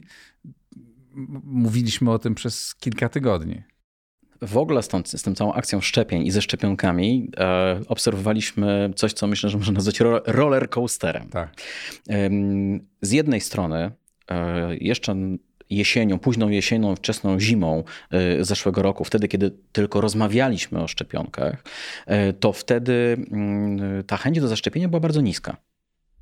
Było bardzo wiele obaw, do czego za chwilkę dojdziemy, mhm. które rezonują do dzisiaj. I wtedy w badaniach e, my obserwowaliśmy tą chęć do szczepień na poziomie 40 paru procent. Kiedy jeszcze tych szczepionek nie było? Kiedy tych szczepionek nie było, kiedy my sobie o nich rozmawialiśmy, że one dopiero będą, zastanawialiśmy się, co to mhm. jest to mRNA, y, czy Astra, czy, czy, czy jakaś inna firma. Y, wtedy, kiedy one dopiero przechodziły ten proces całej certyfikacji, mm, to był ten moment. Co się stało później? Y, potem y, nagle staliśmy się wielkimi entuzjastami y, szczepień i te ostatnie badania, nawet jeśli prowadzimy je dzisiaj, teraz. A chyba największą pracę na rzecz tego, żebyśmy się stali entuzjastami, wykonała Krystyna Janda i jej znajomi. No to ja wiem, nie? że pokutuje taki, taki to pogląd. Nie mia, to nie miało takiego znaczenia. Ja myślę, że to, to takie dosyć naturalne, skoro to spowodowało grupa coś wybrańców pokazała, że to jest coś, że to jest duża wartość, no to, to ja też chcę. To znaczy, to znaczy oni byli taki dawali dowód społeczny, także to jest coś pożąd to dobro dla, pożądane. To, dlaczego to się tak bardzo zmieniło, jest osadzone w dwóch troszeczkę innych y, jakby obszarach. Mhm. Po pierwsze, to co się wydarzyło, to ruszył, ruszył program szczepień w Izraelu, który był bardzo szeroko relacjonowany, bardzo szeroko omawiany i on w pewien sposób rozwiał wątpliwości co do um, takich krótkoterminowych skutków ubocznych. Mówimy Czyli... o sytuacji z początku roku. Tak, tak, dokładnie. O tym, o tym przełomie, gdzie hmm. nagle z tych 40 paru zrobiło się 70% tak. osób w Polsce, które chciały się zaszczepić. W Izraelu okazało się, że nikt e, nie dostał jakiejś strasznej wysypki, nikomu nie wyrosła trzecia ręka, nie było jakichś masowych e, problemów ze zdrowiem, czyli że Działa. te szczepionki są bezpieczne i działają. E, na to nałożyła się też druga sprawa, a mianowicie to, że na wczesną wiosną, późną zimą, to zależy jak to sobie tam policzymy, rozpoczęła się czwarta fala, czwarta? Trzecia fala. Trzecia fala. Trzecia fala, czwarta dopiero będzie, albo nie. E, rozpoczęła się trzecia fala e, zachorowań i znowu wróciły obostrzenia. To był przełom lutego i marca. Mhm. E, myśmy wtedy prowadzili badania bardzo różne, nie tylko takie sondażowe, gdzie tam sobie patrzyliśmy na procenty, ale też rozmawialiśmy z respondentami w formie takich wywiadów swobodnych i oni bardzo jasno mówili, że dla nich szczepionki i szczepienia są drogą do normalności. Czyli zaszczepimy się i to wszystko, co nas dzisiaj krępuje, uwiera, boli, zniknie. Dosyć naturalne e, zachowanie, dosyć naturalna reakcja. To bardzo racjonalna, tak? Wiemy, że to jest ścieżka już z Izraela i z innych krajów, no bo to w lutym jeszcze tych krajów było więcej. Wiemy, że nic złego po, zaraz po zaszczepieniu się nie wydarzy, czyli okej, okay, możemy się zaszczepić po to, żeby odzyskać to, co nam wirus zabrał. Co stało się potem? Mhm. A potem e, stało się to, że te wszystkie obostrzenia, które tych ludzi tak mocno uwierały, które zabrały im tą wolność e, w życiu, zostały, czy były stopniowo znoszone. Im więcej ich znosiliśmy, jako państwo, jako, e, jako pewien system obostrzeń, tym mniej szczepionki stawały się pożądane.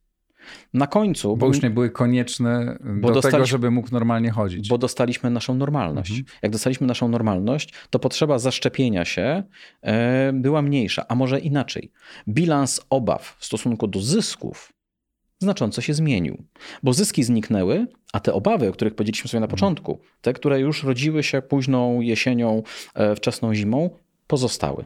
No ale była jedna główna obawa, która pewnie wszystkich, no nie wierzę, żeby nikt się tego zupełnie nie obawiał, e, no, że cięż, mogę ciężko zachorować, mogę umrzeć, bo e, tysiące ludzi e, zmarło. I to był taki moment, kiedy już prawie każdy, znaczy każdy, z którym ja rozmawiam, każdy, z którym rozmawiali moi znajomi, miał kogoś bliskiego, kogoś, kogo znał, kogo ta choroba dotknęła w sposób często ostateczny. A to jest błąd poznawczy. Aha. To jest błąd poznawczy dostępności informacji, mhm. e, opisany w literaturze. To znaczy. To wytłumacz, proszę. Nikt z moich znajomych, wszyscy, wszyscy, moi, wszyscy moi znajomi, e, ten dowód nie ma żadnej wartości statystycznej. Statystycznej nie, ale ma taką tak. no, poznawczą, taką, że jak ja słyszę, że e, i wiem, że ktoś mi bliski e, umarł, ktoś i od pięciu różnych ludzi słyszę, że oni też mają znajomych, no to to działa na moją wyobraźnię, na moje emocje e, niezwykle silnie. My to mamy przebadane ilościowo. Aha.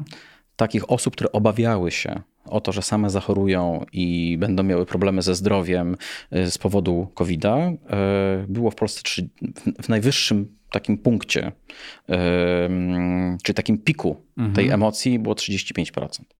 Czyli te informacje o tym, że jest tak wiele zgonów, E, co nie, nie docierały do tych, przecież to był temat numer jeden. W mediach każde wiadomości zaczynały się o informacji o tym, ile osób zmarło dzisiaj. Mm, dobrze, to musimy teraz na chwilę zrezygnować mhm. z rozmowy o szczepionek, żeby, o szczepionkach, mhm. żeby porozmawiać o tym, jak Polacy zareagowali w ogóle na, na ofiary, informacje o ofiarach i w jaki sposób to się osadziło w naszej y, pamięci. Aha, to bardzo ciekawe. Nie osadziło się.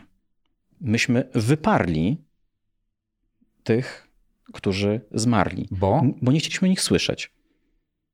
Nie chcieliśmy o nich słyszeć, dlatego że pamięć czy świadomość tego, ile osób zmarło, zmusiłaby nas do akceptacji obostrzeń, które bolały nas bardziej niż te zgony nazwane nadwymiarowymi.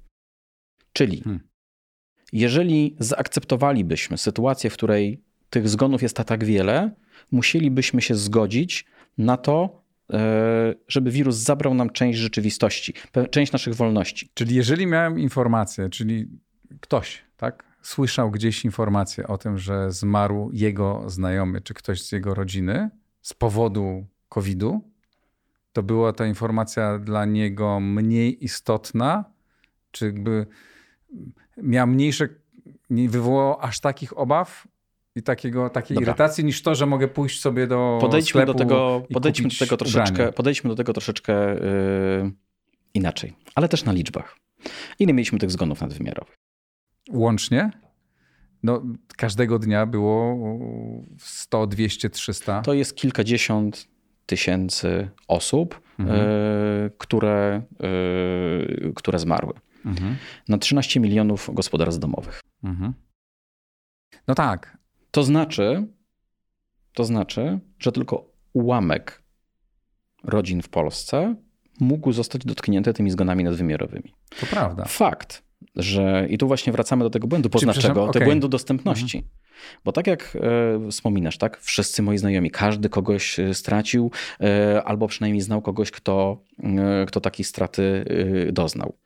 E, ta statystyka, o której teraz mówię, wskazuje na to, że są też ludzie, którzy wśród swoich znajomych w ogóle nie, nie mieli takich przypadków. Okay. Albo mieli przypadki zachorowań na koronawirusa, ale takie, które przebiegały bądź lekko, bądź zakończyły się, no szczęśliwie się zakończyły. Czy to jest może trochę, nie wiem, czy to jest dobre porównanie.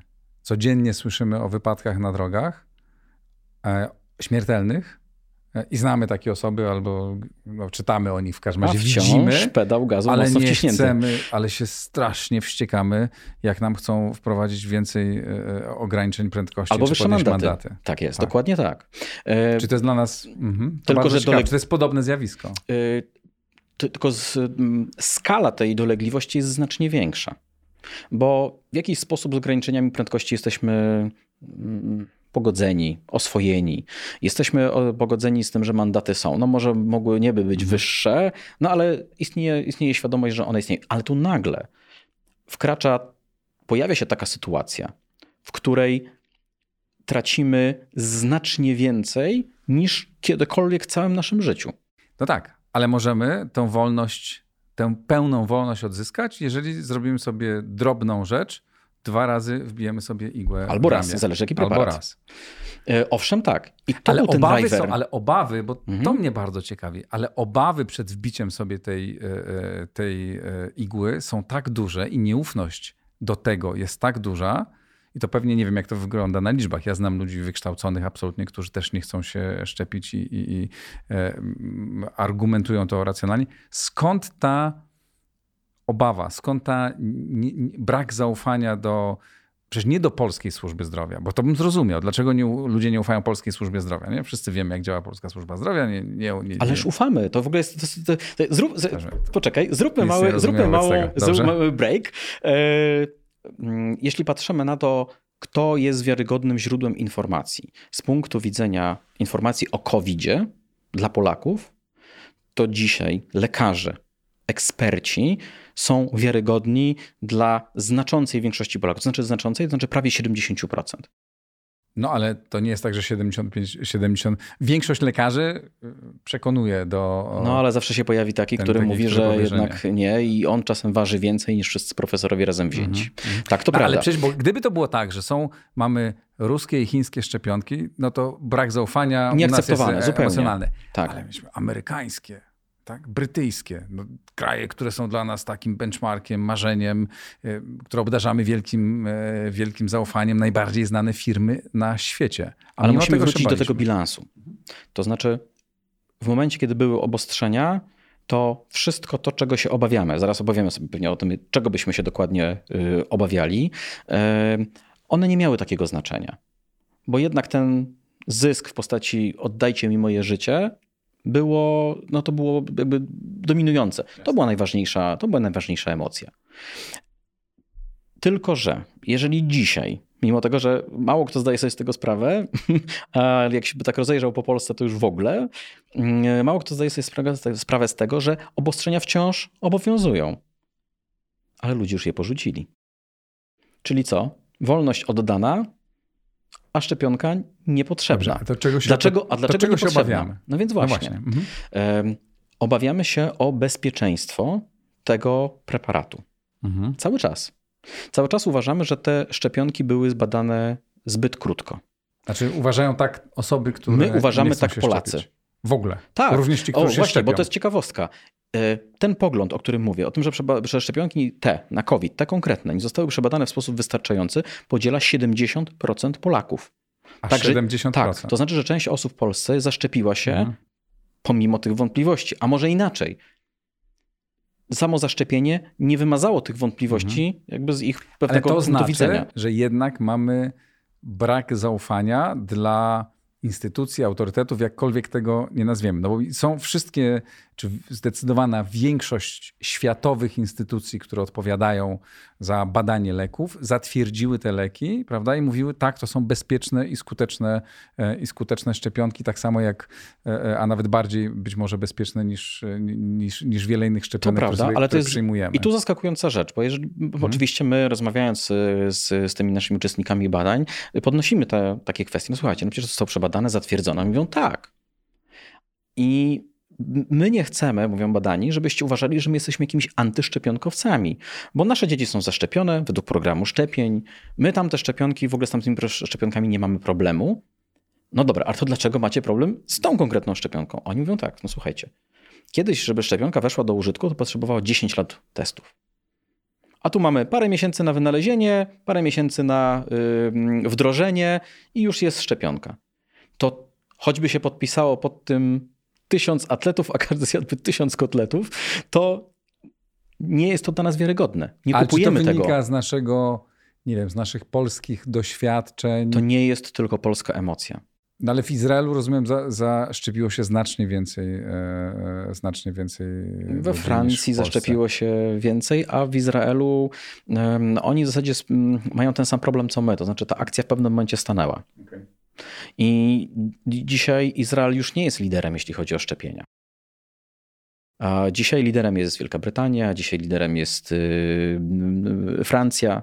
Izrael nie mają, bardzo. Czy nasze, czy to, Ale czy, teraz powiedzmy sobie, to jest problem na, znaczy narodowy, doświadczeń poszczególnych nie, społeczeństw? To jest kwestia strategii. To jest kwestia mhm. strategii podejścia do tego, e, dlaczego ludzie powinni się szczepić. Czyli co, już nie racjonalne argumenty nie docierają, nie, nie dotrą, bo. Myślę, że bo Francuzi nie? zdali sobie z tego sprawę, że racjonalny argument, potem szczepcie się, bo wiecie.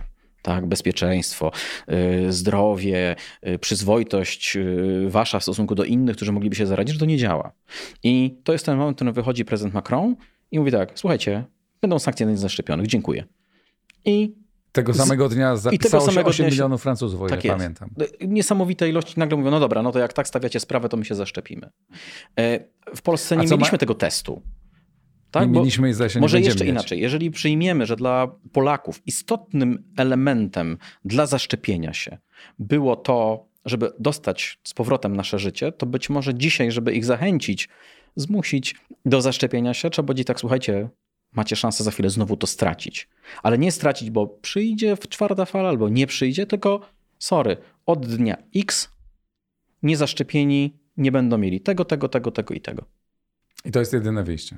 Y, no oczywiście, tylko że to... Pytanie, czy politycy, politycy y, na to się zdecydują, bo po jednej stronie jest racja, którą rozumieją, potrzeba zaszczepienia, po drugiej strony Lęki. są ich wyborcy, Lęki. którzy nie chcą słyszeć rzeczy, których nie chcą słyszeć. 70% ludzi uważa, że te szczepionki nie są wystarczająco dobrze przebadane. Co więcej, to też jest tak, że te lęki przez cały czas są podsycane. Bo jeśli spojrzymy sobie Oczywiście. na to, jaką podaż i jaki popyt mają te treści antyszczepionkowe y, w sieci, e, no to to są niesamowite, potężne. to są nieco potężne zasięgi. I jest jeszcze jedna rzecz, którą myślę, że warto sobie powiedzieć na końcu. Cały ten schemat myślowy, którym, który pokazują nam nasi y, badani, który, o którym opowiadają, jest jak taka copy-pasta mhm. wzięta z internetu. Czyli Słuchajcie, to nie jest dobrze przebadane. No ale zatwierdziły to takie i takie, takie firmy.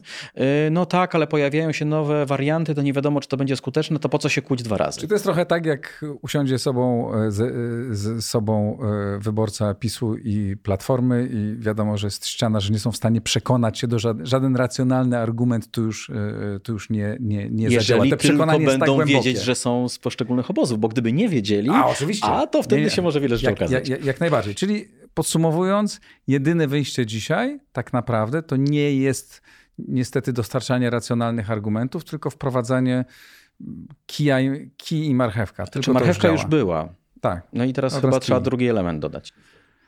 A czy politycy na ten kij się zdecydują, to zobaczymy. Bardzo Ci dziękuję. Marcin Dzięki Duma i Brys. Dzięki serdeczne. I to już wszystko na dziś. Przypominam, że Układu Otwartego możecie słuchać na wszystkich dużych platformach podcastowych oraz oglądać i słuchać na YouTubie. Możecie też wspierać rozwój Układu Otwartego na moim profilu w serwisie patronite.pl. Serdecznie do tego namawiam Dziękuję za dziś. Życzę miłego wieczoru, dnia albo poranku, zależnie od tego, kiedy słuchacie tego podcastu. Do usłyszenia.